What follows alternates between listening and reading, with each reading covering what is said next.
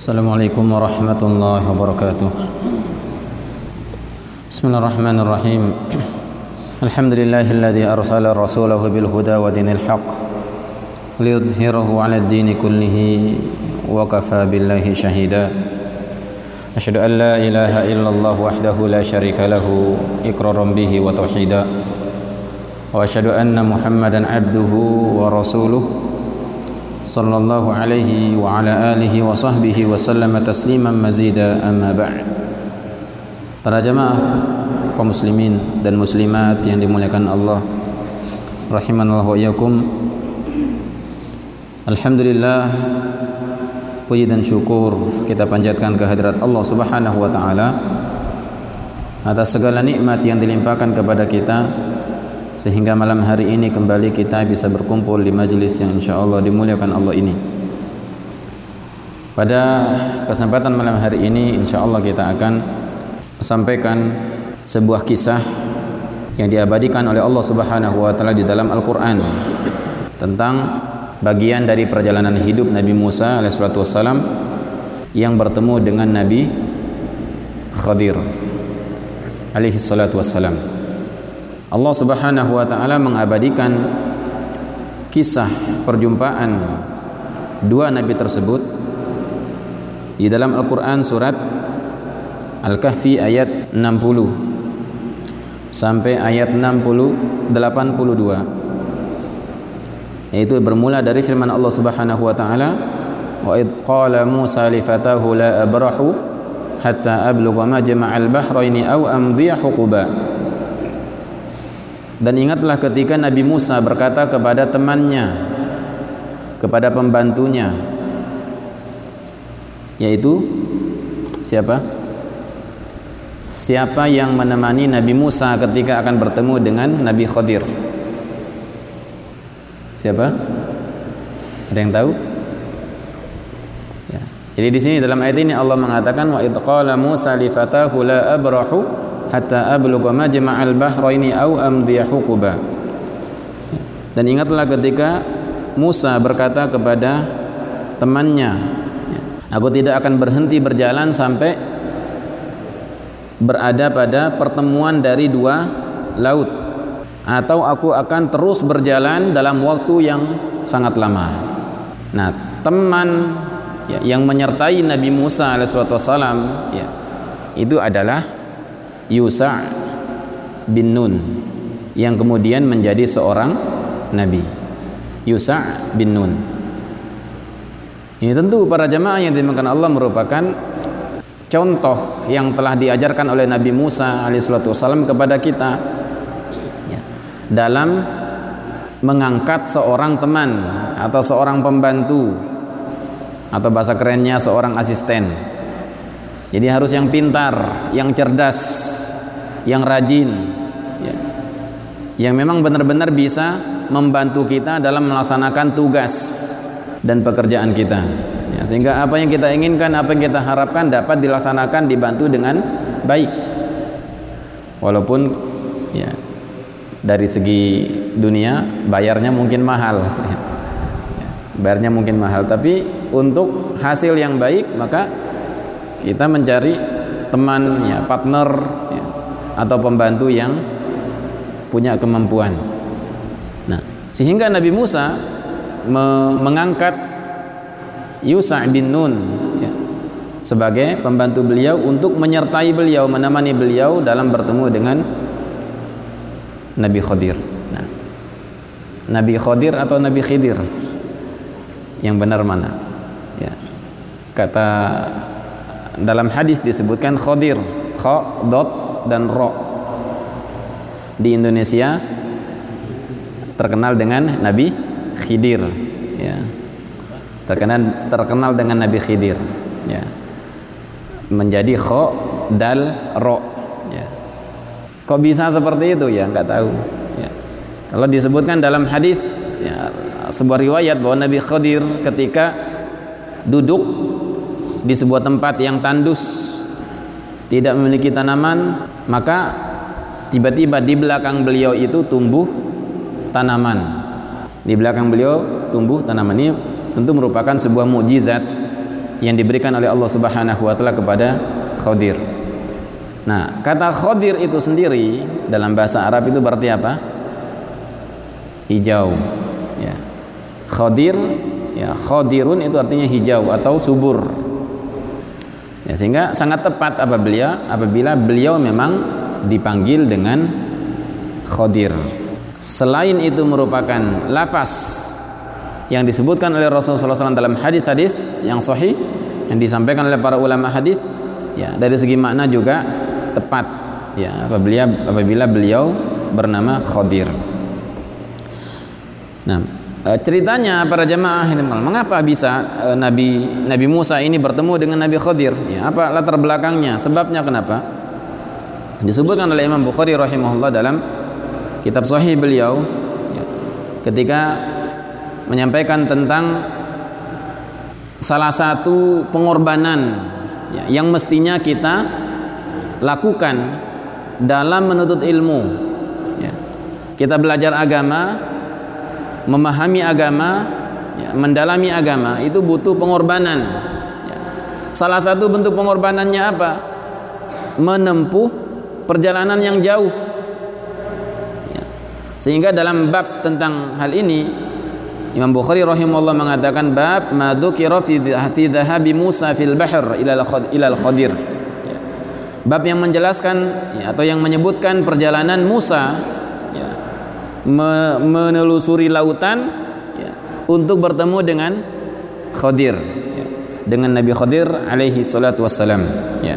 Dan berkaitan dengan firman Allah Subhanahu wa taala hal attabi'uka ala an tu'allimani mimma 'ullimta rusyda ya itu perkataan Nabi Musa kepada Nabi Khadir bolehkah aku mengikuti engkau wahai Khadir?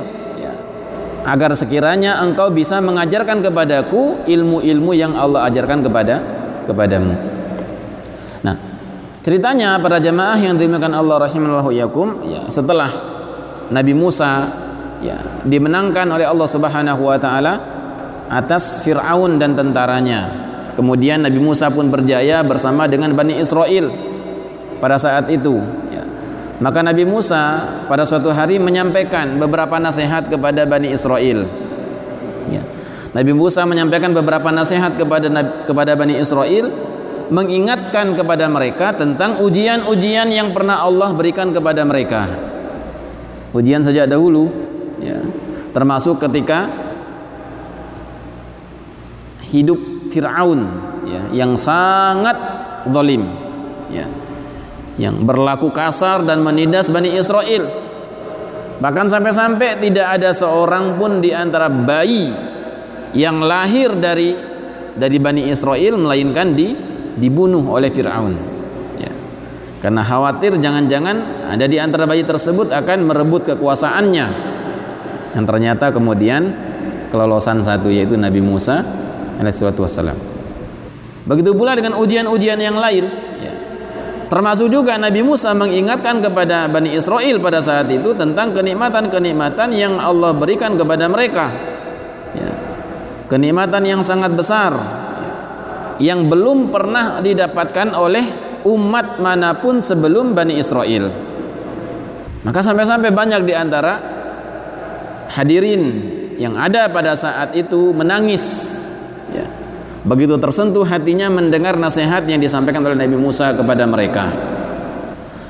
Nah, di tengah-tengah kondisi seperti itu ada seorang laki-laki tiba-tiba bertanya kepada Nabi Musa ya, dengan mengatakan ayun nasi a'lam siapakah manusia yang paling berilmu wahai Musa?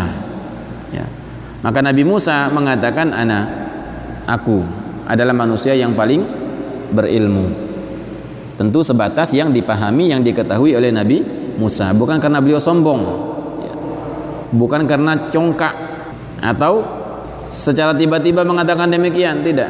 Tapi karena memang juga ada ada bukti. Beliau diangkat sebagai seorang nabi bahkan rasul bahkan termasuk salah satu dari ulul azmi minar rusul termasuk salah satu dari penghulu para rasul sehingga sangat pantas apabila beliau mengatakan menjawab aku adalah manusia yang paling alim di muka bumi saat ini. Fa'ataballahu alaihi id lam yarudd al-ilma ilaih faqala lahu bala li 'abdun bima jama'al bahraini huwa a'lamu mink Maka ketika hal tersebut terjadi, Allah Subhanahu wa taala pun ya menegur Nabi Musa.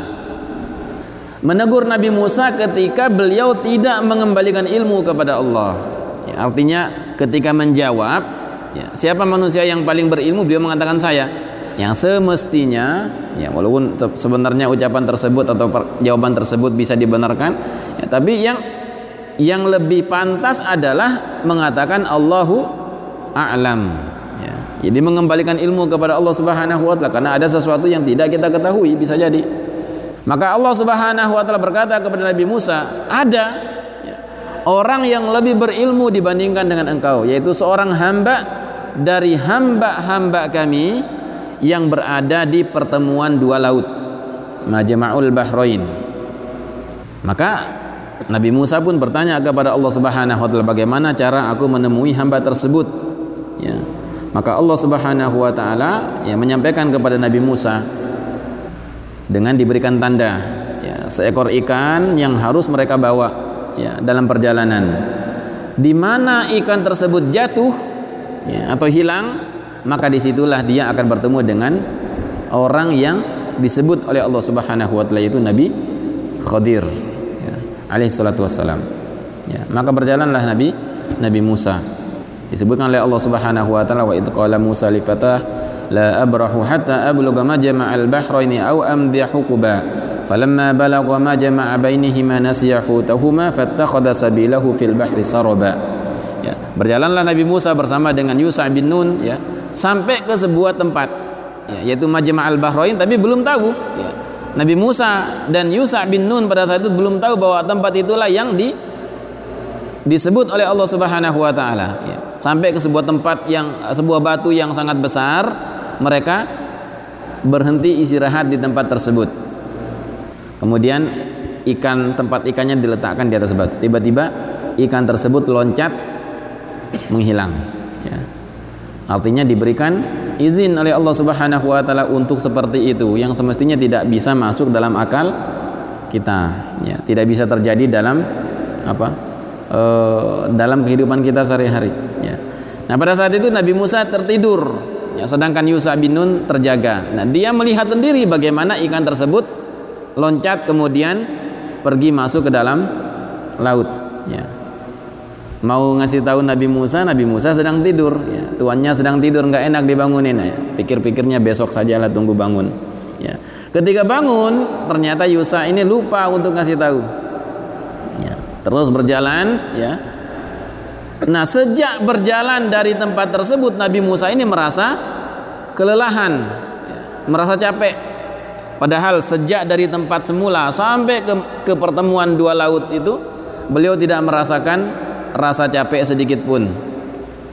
Wajar juga memang badan beliau besar ya. Tubuh beliau kuat sampai-sampai disebutkan dalam dalam Al-Qur'an ketika beliau memukul musuh sekali pukulan langsung mati ya begitu kuat dan besarnya tangan beliau sampai-sampai salah satu dari uh, putri Nabi Syuaib ya ketika berkata kepada ayahnya ya agar ayahnya itu memberikan upah kepada orang yang membantu mereka mengangkut air dengan mengatakan inna khairu man istajarta al qawiyul aziz ya. Sesungguhnya orang yang paling baik untuk engkau berikan upah adalah seorang yang kuat lagi perkasa ya. Jadi sifat ya tentang Nabi Musa yang disampaikan oleh Allah dalam Al-Qur'an ya Hingga ketika beliau melakukan perjalanan tidak merasa letih. Nah, hanya saja sejak melewati tempat yang diinginkan oleh Allah Subhanahu wa taala beliau mulai merasa keletihan ya. Sampai kemudian beliau berkata kepada pembantunya, "Atina qada'ana laqad min safarina nasaba." Ya, beliau berkata kepada pembantunya kepada Yusa bin Nun, "Ana keluarkan saja makanan kita." Ayo, keluarkan makanan kita. Maksudnya ikan yang dibawa itu karena kita sudah sangat capek ya perjalanan ini ya. padahal perjalanan setelah itu tidak terlalu jauh dibandingkan dengan perjalanan sebelumnya ya apa kata Yusa bin Nun ini ya ra'aita id awaina ila sakhrati fa inni nasitul hut wa ma ansanihu illa syaitanu an adhkurah wattakhadha sabilahu fil bahri ajaba ya wahai Musa ya tidakkah kamu tahu tadi atau kemarin ya, ketika kita sampai ke batu yang besar itu ternyata ikan yang kita bawa itu jatuh ya. Tapi saya lupa ngasih tahu ya. Ini gara-gara setan ya, artinya yang membuat dia lupa adalah syaitan ya. Tentu lupa untuk kebaikan maksudnya ya lupa untuk kebaikan ya. Maka yang membuat kita lupa adalah syaitan. Nah, dalam kondisi seperti itu kita memperbanyak zikir kita memperbanyak istighfar kepada Allah Subhanahu wa taala untuk mengalahkan lupa ya. nah maka Nabi Musa pun nah itulah yang kita inginkan ya, itu yang kita harapkan. Maka balik lagi Nabi Musa ke tempat semula. Nah di sana beliau bertemu dengan Nabi Khadir. Fawajada abadan min ibadina atainahu rahmatan min indina wa 'allamnahu min ladunna ilma. Ya. Ya. Dia bertemu dengan Nabi Khadir ya. Seorang hamba dari hamba-hamba kami yang kami berikan kepadanya rahmat dari sisi kami dan kami ajarkan kepadanya ilmu dari sisi kami. Kata Allah Subhanahu wa taala. Nah para jamaah yang dimuliakan Allah rahimahullah yakum dari sinilah bermula kisah Nabi Musa bersama dengan Nabi Khadir alaihi wassalatu wassalam yang kemudian nanti banyak eh, pelajaran-pelajaran dapat kita petik dari kisah tersebut. Nah para jamaah yang dimakan Allah rahimahullah sebelum kita lanjutkan ya kisah cerita tentang Nabi Musa dan Nabi Khadir ini ya, ternyata selain ya, mengandung pelajaran-pelajaran yang tentu sangat bermanfaat dalam kehidupan kita sehari-hari ya, ada hal yang sangat penting yang patut kita ketahui terkait dengan kisah Nabi Musa dan Nabi Khadir. Ya, sebagian di antara kaum muslimin menganggap bahwa Nabi Khadir sampai saat ini itu masih hidup. Ya. Menganggap bahwa sampai saat ini Nabi Khadir itu masih hidup karena tidak ada satupun ayat dalam Al-Quran ataupun dalam hadis Rasulullah SAW yang menyebutkan tentang kematian Nabi Khadir. Ya. Dan anggapan bahwa Nabi Khadir ini masih hidup tidak semata-mata hanya sekedar anggapan. Ya. tetapi ternyata ada tujuan yang yang sangat prinsip bagi mereka ya, yang dibangun atas anggapan itu. Apa itu? Ya. Yaitu bahwa Nabi Khadir ini akan mengajarkan ilmu kepada orang-orang tertentu dari umat Islam. Yang ilmu tersebut tidak diketahui oleh orang lain. Bahkan oleh Nabi Muhammad sallallahu alaihi wasallam. Ini khurafat. Ya. Bahkan termasuk kekufuran. Ya. Ketika ada sebagian di antara kaum muslimin meyakini ada ilmu dalam agama Islam yang tidak diketahui oleh Rasul sallallahu alaihi wasallam. Ya. Ada juga sebagian di antara kaum muslimin menganggap bahwa Nabi Khadir ini adalah seorang wali bukan seorang nabi Walaupun ada sebagian ulama ahlu sunnah ya berpendapat demikian. Ya. Tapi bagi orang-orang tadi, ya, sebagaimana anggapan bahwa Nabi Khadir itu masih hidup, juga punya tujuan. Ya. Mengapa mereka menganggap atau menetapkan bahwa Nabi Khadir itu adalah seorang wali bukan seorang nabi? Yang kemudian juga dibangun di atas anggapan tersebut prinsip yang sangat penting bagi mereka. Apa itu? Yaitu bahwa tingkatan wali itu adalah tingkatan yang paling tinggi di atas rasul dan nabi. Ya. Nah bayangkan ya, wali itu lebih tinggi kedudukannya dibandingkan dengan nabi dan rasul. Ya bagi mereka di bawahnya wali itu ada nabi, di bawahnya nabi itu ada rasul. Kebolak kebalik. Ya, yang padahal dalam keyakinan Ahlussunnah wal Jamaah ya nabi itu tingkatan di bawah eh, eh, tingkatan paling tinggi adalah rasul kemudian di bawahnya ada nabi karena tidak semua nabi menjadi rasul sedangkan semua rasul adalah nah, nabi. Di bawahnya lagi baru tingkatan wali. Ya nah jelas siapa yang mendapat wahyu? Hanya hanya para nabi dan dan rasul sedangkan wali tidak mendapatkan wahyu. Nah sedangkan bagi mereka ya wali itu tingkatannya paling tinggi dibandingkan dengan nabi atau rasul ya alasan kocak mereka itu adalah apa bahwa nabi dan rasul itu mendapat wahyu dari Allah Subhanahu wa taala atau mendapat ilmu dari Allah Subhanahu wa taala melalui perantaraan Perantaraan siapa? Perantaraan malaikat Jibril alaihissalatu wassalam. Sedangkan wali menurut mereka mendapat ilmu dari Allah Subhanahu wa taala tanpa perantaraan langsung dari Allah Subhanahu wa taala. Ini luar biasa. Ya. Hayalan tingkat tinggi. Ya. Sampai-sampai ungkapan mereka juga mengatakan bahwa para para wali itu sudah menyelam, menyelami ilmu Allah Subhanahu wa taala. Sedangkan sedangkan nabi dan rasul itu masih berdiri di atas pematang katanya. Ya masih berdiri di pinggir laut di pantai ya, belum sampai nyelam ya. Ada sebagian mengatakan ya, karena mereka wali ini sudah nyelam dalam laut menurut mereka ya nggak keluar keluar karena mati dalamnya. Ya. nah ini tentu keyakinan yang sangat buruk ya. Keyakinan khurafat yang dibangun oleh sebagian orang yang yang tentu ingin ingin keluar dari ajaran agama Islam ya. Tetap menganggap dirinya sebagai seorang muslim tapi tidak mau mengamalkan syariat agama Islam. Ya sehingga membuat-buat uh, dalil atau alasan yang bertentangan dengan ayat Al-Qur'an dan hadis hadis Rasulullah sallallahu alaihi wasallam. Ada juga yang menganggap dari kisah Nabi Musa dan Nabi Khadir ini nantinya bahwa boleh seseorang kalau berada pada tingkatan tertentu, makom tertentu untuk keluar dari syariat Nabi. Ya.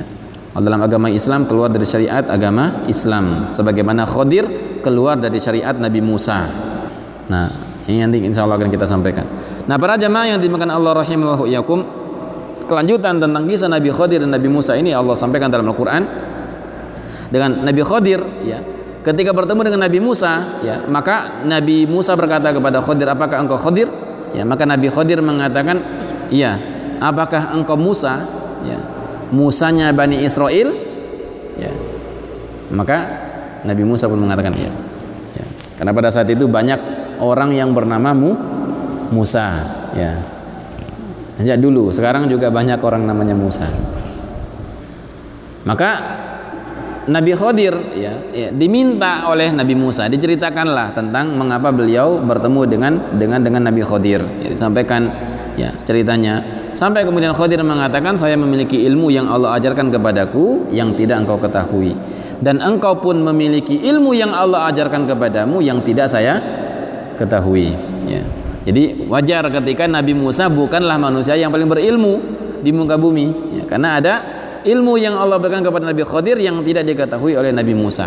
Nah, maka Nabi Musa meminta kepada Nabi Khadir, ya.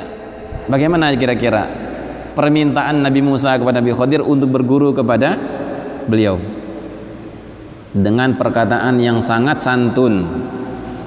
Perkataan yang sangat lemah lembut, ya. Nabi Musa mengatakan hal attabi'uka ala an tu'allimani mimma ulimta rusyda. Ya, bagaimana judul bab yang kita sampaikan di awal tadi. Wahai Khadir, bolehkah kiranya aku mengikuti engkau? Agar engkau bisa mengajarkan kepadaku ilmu-ilmu yang lurus yang telah diajarkan kepadamu. Ya. ya ini tentu teladan bagi kita para jamaah yang dimakan Allah ya ketika kita ingin meminta ilmu atau bertanya kepada seseorang kepada seorang alim ya meminta misalnya untuk mengisi pengajian ya atau untuk menyampaikan nasihat ya atau untuk belajar ilmu dan lain sebagainya maka pembicaraan kita kepada mereka itu hendaklah menggunakan pembicaraan yang yang santun pembicaraan yang sopan pembicaraan yang lemah lembut sebagaimana yang di, diajarkan oleh Nabi Musa kepada kita semua. Ya. Kadang-kadang ketemu eh besok ngisi ya misalnya ya, jadi ter, terlalu vulgar. Ya artinya terlalu uh, bisa dikatakan tidak menghormati orang yang berilmu dan juga sekaligus tidak menghormati ilmu itu sendiri. Atau kadang lewat telepon eh bisa ngisi nggak? Oh, ustadznya mungkin saja. Kadang-kadang bisa jadi nggak bisa. Ya, ya sudah. Ya sudah. Ya mestinya ketika akan menyampaikan ya sampaikan uh, ada prolognya. Ya bukan prolog prolog ada pendahuluannya ya. Kemudian ya baru nyampaikan eh, permintaan. Misalnya usahanya bilang oh nggak bisa.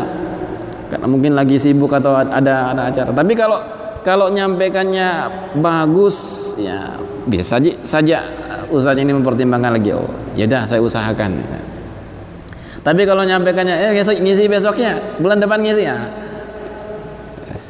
ya lain kali.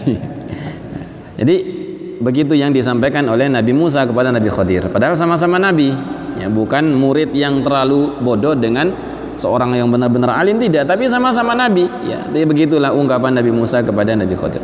Nah Nabi Khadir ini berkata kepada Nabi Musa ya bisa bisa kamu mengikuti saya untuk belajar ilmu tapi dengan catatan kamu harus sabar ya.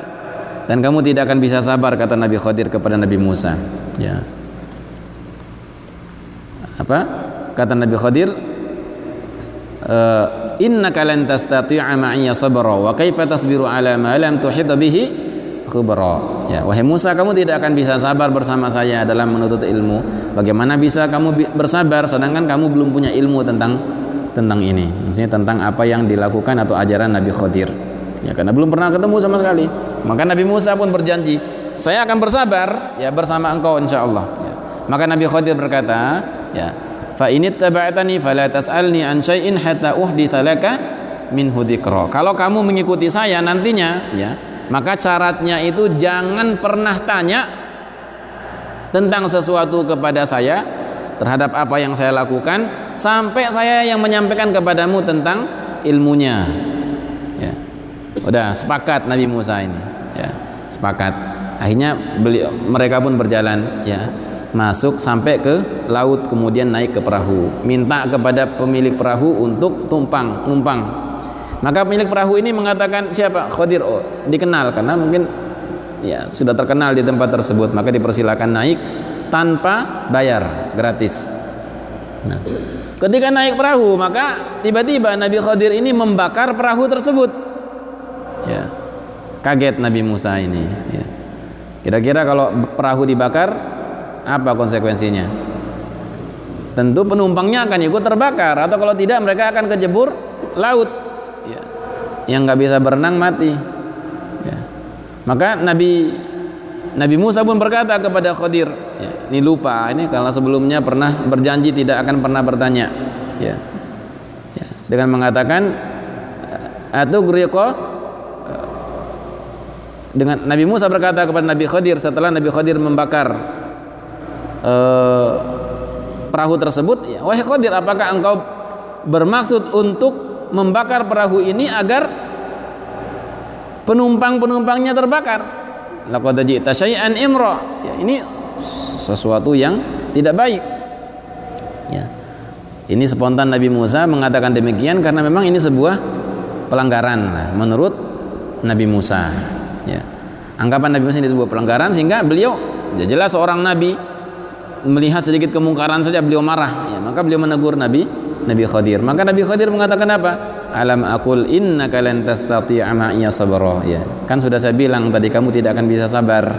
Ya akhirnya Nabi Khadir Khadir uh, sadar. Ya. lupa beliau kalau beliau itu sudah berjanji untuk tidak bertanya. Ya dengan mengatakan la tu'akhidni bima nasitu wa la turhiqni min amri usra. Jangan engkau menghukum aku karena kelupaan.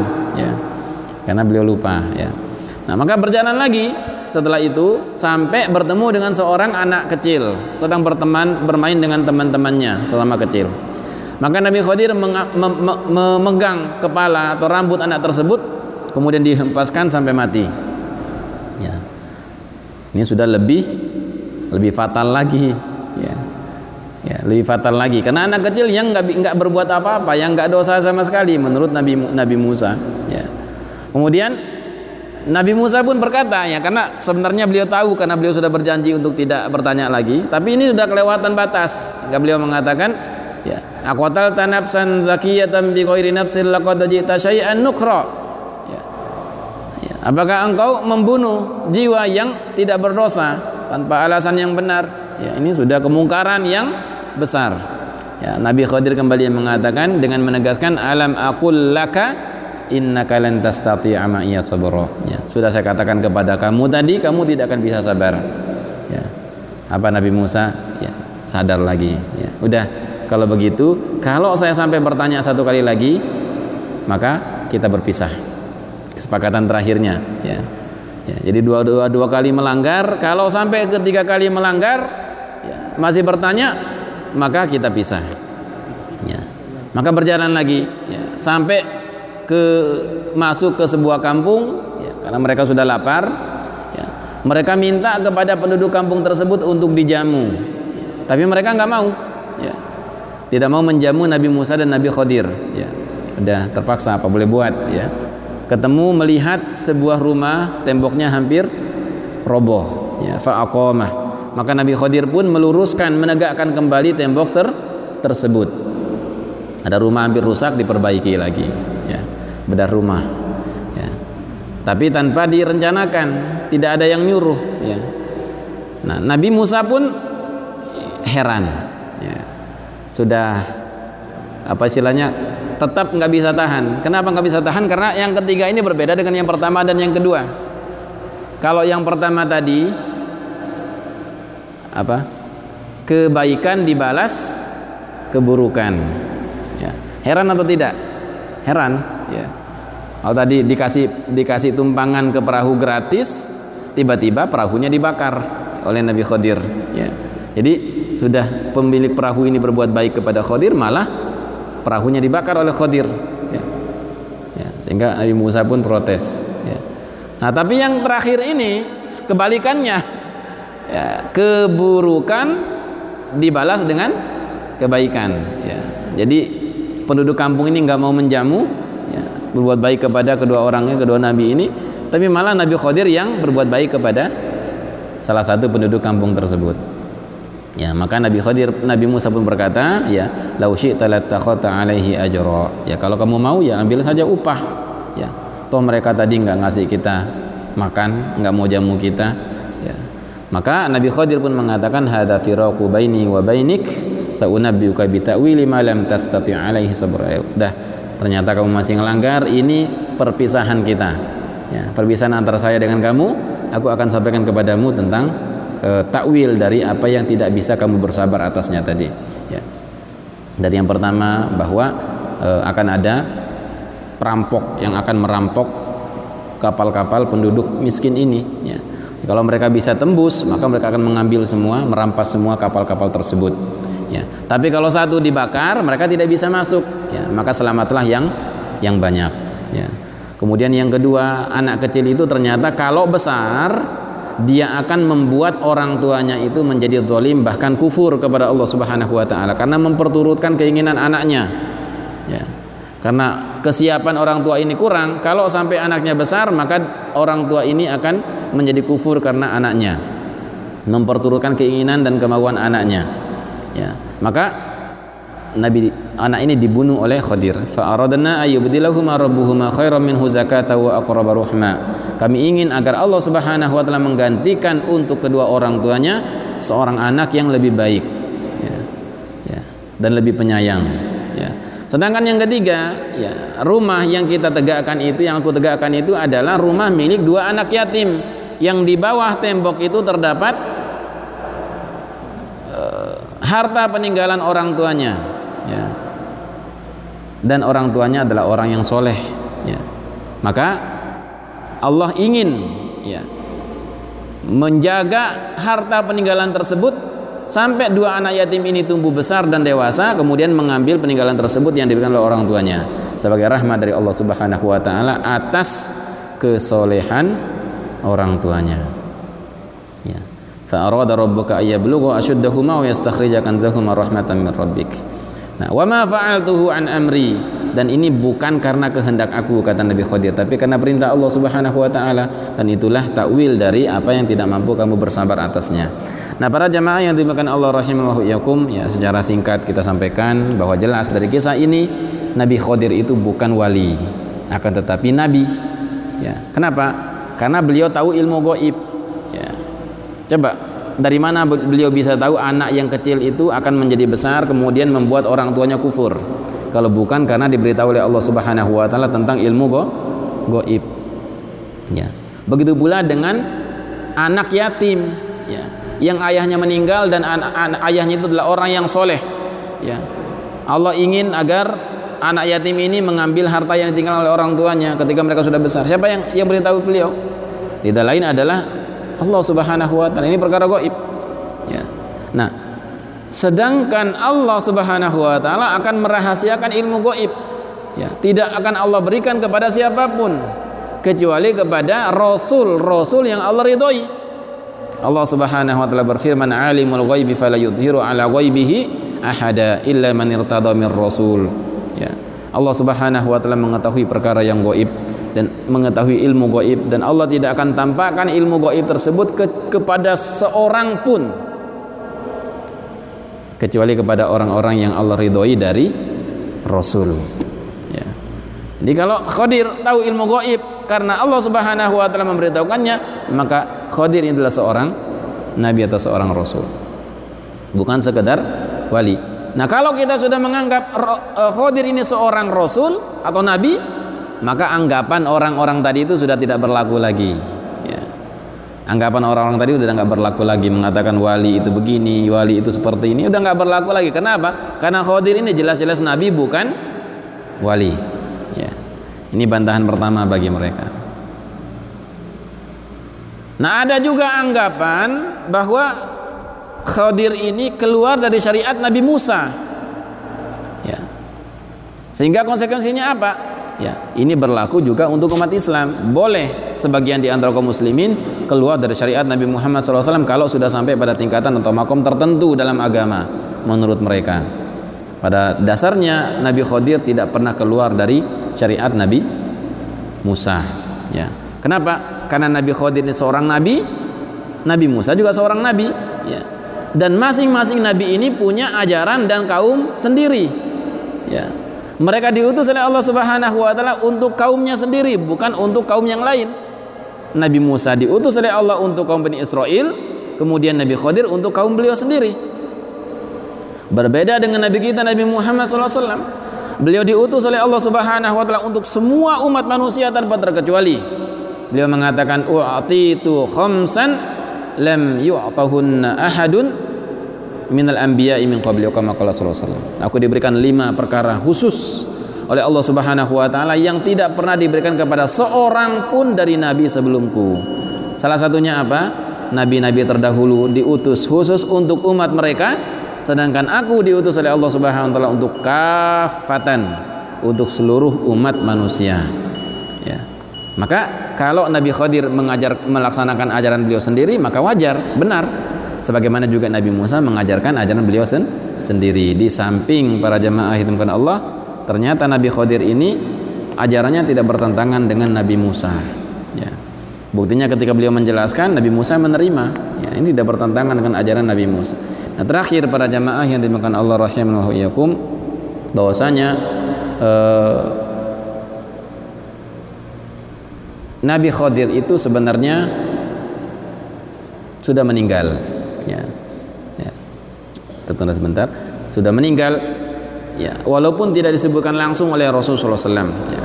Dalam Al-Qur'an Allah Subhanahu wa taala berfirman ya wa ma ja'alna li basharin min qablikal khuld afa imitta fahumul khalidun. Ya. Kullu nafsin dha'iqatul maut. Ya. Tidak pernah kami menjadikan seorang pun di antara manusia kekal dalam hidupnya Apakah kalau engkau meninggal wahai Muhammad mereka akan kekal? Sama sekali tidak, ya. Kalau engkau wahai Muhammad adalah seorang nabi yang paling agung, paling mulia, paling baik, masih saja meninggal, maka tentu yang lain tuh pun akan lebih pantas untuk meninggal. Ya. Setiap yang bernyawa pasti akan merasakan kematian. Kemudian Rasulullah SAW mengatakan dalam sebuah riwayat beliau pernah menyampaikan kepada para sahabat ya pada saat itu ya tidak ada seorang pun yang hidup saat ini. Ya. 100 tahun kemudian ada yang masih hidup di muka bumi ini. Ya. Artinya sejak sejak kejadian tersebut sejak beliau mengatakan kalimat tersebut sampai 100 tahun kemudian yang pernah hidup di yang masih hidup saat itu entah dari umat beliau atau umat selain selain umat Islam ya. Dalam waktu 100 tahun itu sudah meninggal semua tidak akan ada yang tersisa Nah, seandainya kalaupun misalnya Nabi Khadir ini masih hidup di zaman Rasulullah SAW, maka 100 kemudian, 100 tahun kemudian maksimal itu akan sudah meninggal semua. Ya. Jadi tidak mungkin akan ada tiba-tiba Nabi Khadir menyampaikan kepada kepada guru-guru orang sufi, ya, menyampaikan ilmu-ilmu laduni dan lain sebagainya. Ya, ini sesuatu yang tidak akan pernah terjadi. Ya di samping ya, bertentangan dengan ayat-ayat dan hadis tadi Rasulullah SAW. Nah, demikian yang dapat kita sampaikan semoga bermanfaat. Semoga uh, bisa kita ambil pelajarannya dan kita akhiri subhanakallahumma bihamdika asyhadu an la ilaha illa anta astaghfiruka wa atubu ilaik. Assalamualaikum warahmatullahi wabarakatuh.